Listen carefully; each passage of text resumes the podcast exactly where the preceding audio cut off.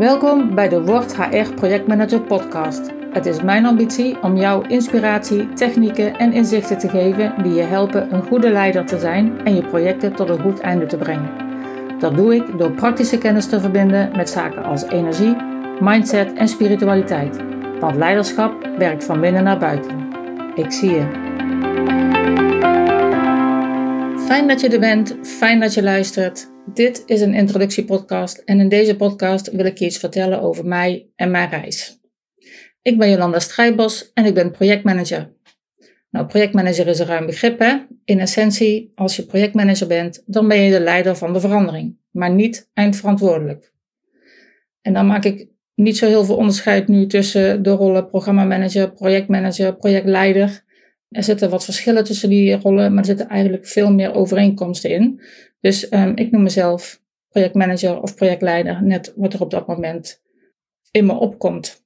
Ik hou van leren en ik hou ervan om dingen te ontrafelen en dan weer door te geven. En dat doe ik in mijn werk als projectmanager. Een belangrijk deel van mijn werk is dingen ontrafelen.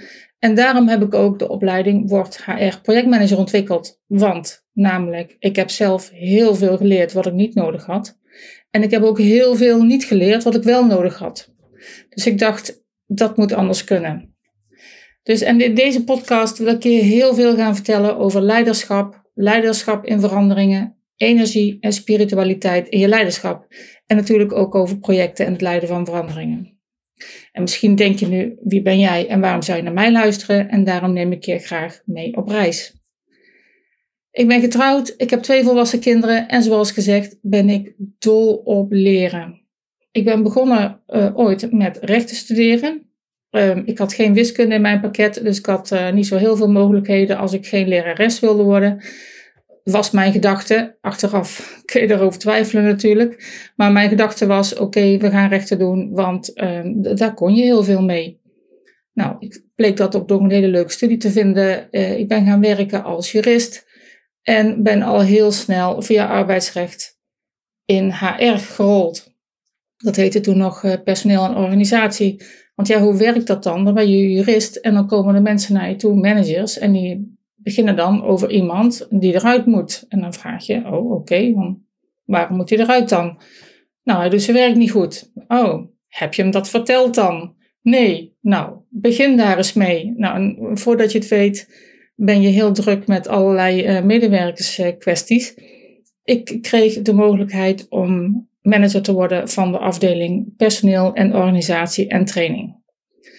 En ik vond dat een geweldige rol. Het voelde als thuiskomen, enerzijds en ook weer niet. Ik had heel sterk het gevoel dat mijn gezonde verstand bij HR zat, of in ieder geval bij de mensen in de organisatie.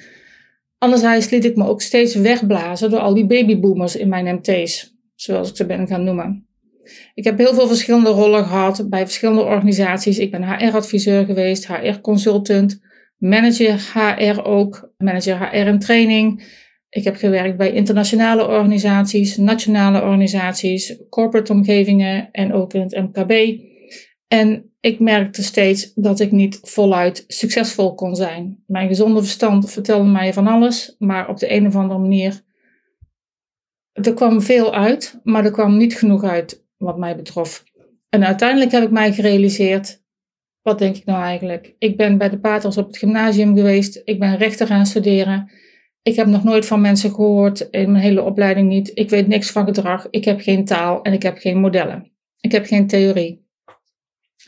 Ik ben toen bedrijfskunde gaan studeren in Nijmegen en dat was een geweldige studie voor een HRM'er. Eh, bedrijfskunde kun je op verschillende manieren doen. Je kunt het, uh, als je het in Rotterdam gaat studeren, dan heb je een financiële nadruk op de bedrijfskundestudie. Ergens anders heb je meer een IT-nadruk. In Nijmegen krijg je ook gewoon alle vakken, zoals finance en accounting en marketing en um, corporate strategy en, en, al die vakken. Maar ze zijn daarnaast ook heel druk met nadenken over de vraag: hoe maak je de mens in de organisatie nou zo productief mogelijk? Nou, geweldige studie, heel veel van geleerd en um, ook geleerd dat ik, eh, dat ik het goed zag met mijn gezonde verstand. Alleen had ik nu opeens taal, hè, zodat mensen uh, niet met mijn gezonde buikverstand uh, hoefden te doen. Maar gewoon hè, dat ze een gesprek met me konden voeren. Of dat ik met hun een gesprek kon voeren over waarom dingen wel of niet goed uh, waren. Nou, doorgegaan met HR. En in mijn laatste rol van HR-adviseur, uh, ik was um, gaan studeren tegelijk met een uh, rol van HR-adviseur, was ik onderdeel van een hele grote reorganisatie waarin honderden mensen een nieuwe functie zouden krijgen in een nieuwe afdeling, in een nieuwe informatievoorziening afdeling. Ik heb altijd veel met technische mensen gewerkt, technische mensen, ICT-mensen. En ik was de HRM'er die het hele proces heeft geleid en uitgevoerd. Het hele proces, het, niet de reorganisatie, maar het deel waarin je mensen van functie laat veranderen, mensen moet herplaatsen, de functieverandering uh, moest begeleiden. En dat was heel hard werken, kan ik je melden. Toen was ik nog geen projectmanager. Toen was ik gewoon een, uh, een hele hardwerkende HR-adviseur. Ik vond het een geweldig proces, heb super hard gewerkt. Uh, iets te hard, omdat ik later hoorde dat de overkoepelende veranderorganisatie een fout had gemaakt in mijn planning en mij een soort van drie weken te weinig hadden gegeven. Dus de directeur die had mij daarna drie weken op vakantie gestuurd. Dat was wel echt wel heel leuk. Maar het project zelf was geweldig. En uh, we zijn geëindigd met drie vacatures. We hebben iedereen, uh, iedereen herplaatst. Dus er was een hele positieve reorganisatie. En er waren 30 vacatures. En toen dacht ik, Brainwave, waarom solliciteer ik niet op een van die vacatures? Want ik was op zich niet helemaal gelukkig in HR. Ik, eh, ik vind HR geweldig, maar eigenlijk begreep ik ook eigenlijk niet wat precies de rol van HR was. En ik heb er nooit zo heel diep over nagedacht, maar eigenlijk begreep ik het niet. Dus ik dacht, ik ga solliciteren en wat ga ik dan doen? Uh, ik ben analytisch en ik hou van, uh, van dingen voor elkaar krijgen. Dus ik heb getwijfeld, ik heb rondgevraagd bij mensen, wat zie je mij doen? Zie je mijn analytische functie doen of zie je mijn projectleiderfunctie doen? En ze zeiden eigenlijk allemaal tegen mij, projectleider. Dus ik solliciteerd, aangenomen en ik had de rol van projectleider en dat voelde ook weer heel erg als thuiskomen, maar op een hele andere manier. Wat ik fijn vond aan projectleiderschap was, als projectleider leid je de verandering, maar je bent niet eindverantwoordelijk. Zoals de meeste mensen in feite niet eindverantwoordelijk zijn, maar als HRM'er heb ik me altijd heel erg verantwoordelijk gevoeld voor alles, terwijl je eigenlijk niks te zeggen hebt. En ik begreep ook eigenlijk met terugwerkende kracht dat ik de hele rol van adviseur gewoon niet begreep. Ik, ik begreep niet hoe je adviseur moest zijn. Ik dacht altijd, ik ga het gewoon doen. Ik kan me herinneren dat ik een keer een uh, eh, HRM heb vervangen die uh, met zwangerschapsverlof was. En zij had tegen HMT gezegd: Oh, jullie willen een functie, uh, wat willen ze? Een, een, een, nieuw functiegebouw. Nou, dan moet je een nieuw functiegebouw gaan maken. Dat was haar opvatting. En ik had haar vervangen, maar dat wist ik niet toen ik haar begon te vervangen. En, en, toen ze tegen mij zeiden van ik wil een nieuw functiegebouw, toen ging ik direct aan de slag om dat functiegebouw te maken. En ik begreep niet waarom mijn voorgangster had gezegd dat ze dat dan maar moesten regelen.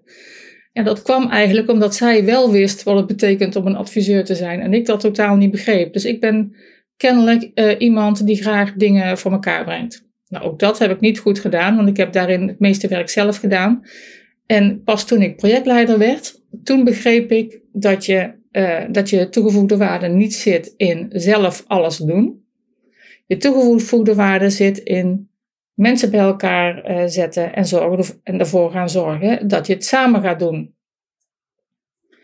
Ik heb een beetje het idee dat ik toch een beetje ook een, een, een juridische deformatie had. Hè. Als jurist ben je toch gewend om uh, sluitende argumentaties uh, op te zetten en dingen goed onderbouwen en zelf heel veel denkwerk te verrichten. Terwijl als je een verandering in de organisatie wil gaan begeleiden, dan, dan, dan is er heel veel onzeker en dan is de organisatie niet geholpen als ze heel lang moeten wachten tot ik tot inzicht ben gekomen. En bovendien, uh, mijn inzicht is ook maar mijn inzicht. Het is echt veel beter als je verschillende soorten mensen bij elkaar zet in een groepje en dat je met die um, mensen tot een, uh, tot een mooi plan komt en tot een mooi resultaat. En wat ik daar ook bijvoorbeeld leerde is, um, ik zat om je een idee te geven, ik zat in een pool van 40 projectmanagers, waarvan 20 projectmanagers en 20 business projectmanagers. Ik was een business projectmanager en dat betekent dat, dat ik projecten leidde waarin ik uh, zowel een ICT-project uh, had als uh, het businessgedeelte. Een ICT-project had altijd een eigen ICT-projectleider, want als businessprojectleider wil je niet je ICT-project leiden, want dat is echt te technisch. Maar dan deed ik vooral uh, het, stakeholder management en het plan zelf en het leiden van de hele verandering en het mensen meenemen in het uh, traject. En um, een van de dingen die wij als eerste leerden was dat je een plan van aanpak, dat moest dan worden goedgekeurd hè, door, door de stuurgroep. En uh, dat plan van aanpak, dat deed je door op te schrijven wat je wist en dan rondsturen. En dat noemen we dan een 0.2 versie. Nou, dat, dat trok ik niet. Iets, iets rondsturen wat niet uh, perfect was. Dat, nou, ik denk dat ik er uiteindelijk meer dan een jaar over gedaan heb om dat niet heel moeilijk te vinden. Om dat niet met pijn in mijn buik te doen. Ja, en inmiddels weet ik dus, je, schrijft op wat je weet, je stuurt het rond, je laat iedereen schieten en dan heb je 0.4 versie. En zo kom je heel snel associatief met een groep tot een heel mooi plan. dus dat zijn een aantal uh, dingen die ik daar heb geleerd. En als projectmanager, uh, we hadden natuurlijk intern een aantal uh, dingen die we belangrijk vonden, maar ik werd naar een cursus uh, Prins 2 gestuurd. En, en, en dat was het eigenlijk. En Prins 2, Prins 2 dat is een, een soort van best practices verhaal. Je moet je voorstellen dat we hebben de hele vorige eeuw projecten gedaan. En op enig moment is een of andere Engelse instelling die is gaan, gaan bedenken van oké, niet gaan bedenken, gaan onderzoeken van oké, dat doen we nou al een tijdje projectmanagement. Wat zijn nu de succesfactoren van projecten en, en hoe weet je nou, wat zijn de faalfactoren? Dus zij zijn gaan, gaan opschrijven van wat moet je dan doen om te zorgen dat jouw project wel lukt. Geweldig concept. Maar als beginnend projectleider heb ik een hele hoop uh, nieuwe termen geleerd. En uh, geleerd wat ik moest doen. Nou, dat was me helder. Maar niet hoe je het moet doen. Nou, dat was nog wel een dingetje. Dus, en tegen mij zeiden ze, uh, duurt 2,5 jaar voordat je dat een beetje kan, dat projectmanagement. Nou, dat vond ik echt beneden mijn stand. Ik denk, nou, dan ga ik echt sneller doen. 2,5, nee, dat kan echt niet 2,5 jaar. Ik was vastbesloten om het sneller te kunnen dan uh, 2,5 jaar. En ik kan je melden dat het uiteindelijk 2,5 jaar heeft geduurd voordat ik dat een beetje kon. Want projectmanagement is niet een plan maken en plan uitvoeren. Ja, dat is ook wel projectmanagement, maar dat is nog maar heel bazaal praktisch projectmanagement. Uiteindelijk komt erop aan dat jij uh, tegenslag aanziet komen en dat je niet uit het veld wordt geslagen door tegenslag, maar dat je denkt dat jij begrijpt dat het oplossen van tegenslag jouw werk is. En er is altijd tegenslag, want het is een project, je bent iets nieuws aan het doen. Het is, hè, je bent op onbekend terrein. Dus er is altijd tegenslag en het is jouw taak om de tegenslag op te vangen. Als in accepteren, oh, er is tegenslag. En dan uh, een plan te maken, uh, liefst uh, in overleg met andere mensen. Nou, dat heeft wel 2,5 jaar geduurd voordat ik dat een beetje kon. En toen dacht ik, nou, dat is te lang. Dat is echt te lang. Op enig moment heb ik besloten om voor mezelf te beginnen. Althans, ik had dat niet zozeer besloten. Ik werd uitgenodigd door een oud collega om uh, samen met haar uh, voor onszelf te beginnen. Um, wat uiteindelijk ook heel erg als thuiskomen voelde, omdat je dan best wel autonoom kan zijn in, uh, in je werk. En op de een of andere manier eigenlijk hele mooie projecten naar mij toe zijn gekomen, zonder dat ik daar heel veel voor hoefde te doen. Um, en toen ik voor mezelf ging werken en opeens heel veel inkomsten had, toen ben ik als een malle gaan investeren in mezelf. Toen ben ik uh, opleidingen gaan volgen, zoals hè, hoe, je, hoe je zichtbaar durft te zijn, hoe je online programma's ontwikkelt, maar veel belangrijker ook uh, wat groepsdynamiek eigenlijk is. En, uh, en hoe je moet faciliteren. En groepsdynamiek, nou dat, dat was echt, ik viel bijna van mijn stoel af toen ik die opleiding ging volgen bij Floor Daven. Want daar leerde ik dat, uh, hoe een groep functioneert. Nou, daar hadden we het niet over bij projectmanagement, over groepsdynamiek. En hoe je van een uh, team een performing team maakt. En hetzelfde geldt voor het faciliteren. Ik vond het altijd. Faciliteren is uh, zorgen dat er uit een, een, bijeenkomst een zinvolle uitkomst komt. Nou, dat vond ik. Wat vond ik daarvan? Nou ja, uh, faciliteren betekent dat je voor de groep gaat staan en dat je vanuit niet weten een groep begeleidt naar uitkomst. En soms betekent dat de groep aan het werk zetten en soms betekent dat voor het bord gaan staan en gaan tekenen. En dat vond ik allemaal echt super spannend. Ik had eigenlijk nooit gedacht dat ik dat zou gaan kunnen. En zelfs toen ik die opleiding af had, en het was een geweldige opleiding, die heb ik gevolgd bij Pepijn Nicolaas. Uh, Nicolas. En die doet dat uh, soort van slapend. Die is, dat is echt een natuurtalent. Zelfs toen heb ik heel lang gedacht van nou, dat ga ik niet kunnen. En nou sta ik tot mijn eigen verbazing ook gewoon groepen aan te sturen en, uh, en voor het bord uh, tekeningen te maken. En wat ik daarvan heb geleerd is, eigenlijk dacht ik toen ik projectmanager werd van, oh, oh nee, maar dit is mijn, mijn kernrol. En, en dat is ook zo. Hè? Ik heb wel het idee dat mensen een voorkeursrol hebben. Mijn voorkeurrol is die van projectmanager. Ik kan ook heel goed faciliteren, maar faciliteren vind ik uiteindelijk, als ik dat de hele dag zou doen, zou ik dat te eenzijdig vinden. Ik ben in essentie een projectmanager. Ik ben zeker weten geen adviseur. Ik vind adviseren heel ingewikkeld. Behalve als het uh, onderdeel is van een project, dan kan ik het wel. Dus ik, ik heb het vermoeden dat de meeste mensen wel een, een, een rol hebben waarin ze zich echt thuis voelen. Maar dat wil niet zeggen dat je verder niks kunt leren. dus uiteindelijk heb ik uh, mijn 10.000 uur in projectmanagement, uh, die heb ik wel gemaakt. En mijn 10.000 uur in uh, faciliteren, nog niet, maar ik ben toch verdraaid dicht in de buurt. En qua groepsdynamiek ben ik ook een heel eind gekomen. En ik noem dus groepsdynamiek en faciliteren, dat noem ik mijn superskills. En dat, die noem ik zo omdat ik denk dat iedere professional superskills zou moeten hebben. En dat betekent dat je naast je primaire rol een extra vaardigheid hebt waar je moeite voor doet, waar je voor naar een opleiding gaat en waar je echt vlieguren maakt en waarin je reflecteert op jezelf alleen maar om beter te worden. Nou, superskills kan van alles zijn. Hè. Je kunt bijvoorbeeld, uh, misschien kan je heel goed presenteren, of je kan heel goed uh, lesgeven, of je, of je kan. Er zijn heel veel dingen, waar, of je, kan heel goed, uh, je bent een geweldige Excel-expert. Ik denk dat het heel interessant is voor kennisprofessionals om superskills te ontwikkelen.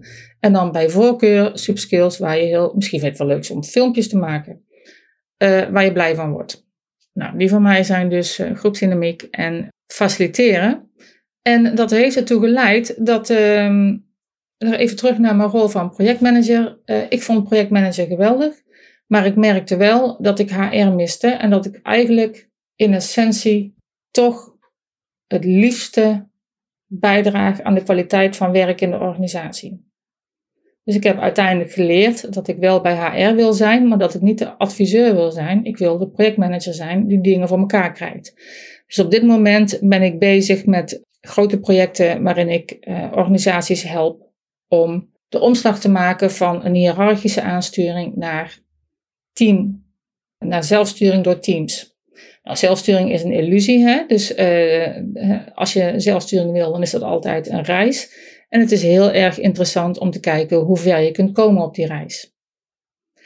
En dat is wat ik nu doe. En in deze podcast wil ik je mijn ervaringen vertellen. Ik wil je dingen vertellen die belangrijk zijn voor als jij ook hier en daar een project managt. En ik nodig je uit om te luisteren en uh, ik nodig je ook uit om, uh, om te reageren. Uh, als je vragen wil inbrengen, dan ben je van harte welkom en misschien zie ik je nog eens ooit. Dag. Vond je dit nuttig? Deel deze podcast dan heel graag met anderen van wie jij denkt dat ze er wat aan kunnen hebben. Of, nog interessanter, Geef me 5 sterren, daar zou je me echt heel blij mee maken. Wil je meer weten van HR projectmanagement? Meld je dan aan voor de gratis introductietraining. Je vindt de link in de show notes. Ik zie je.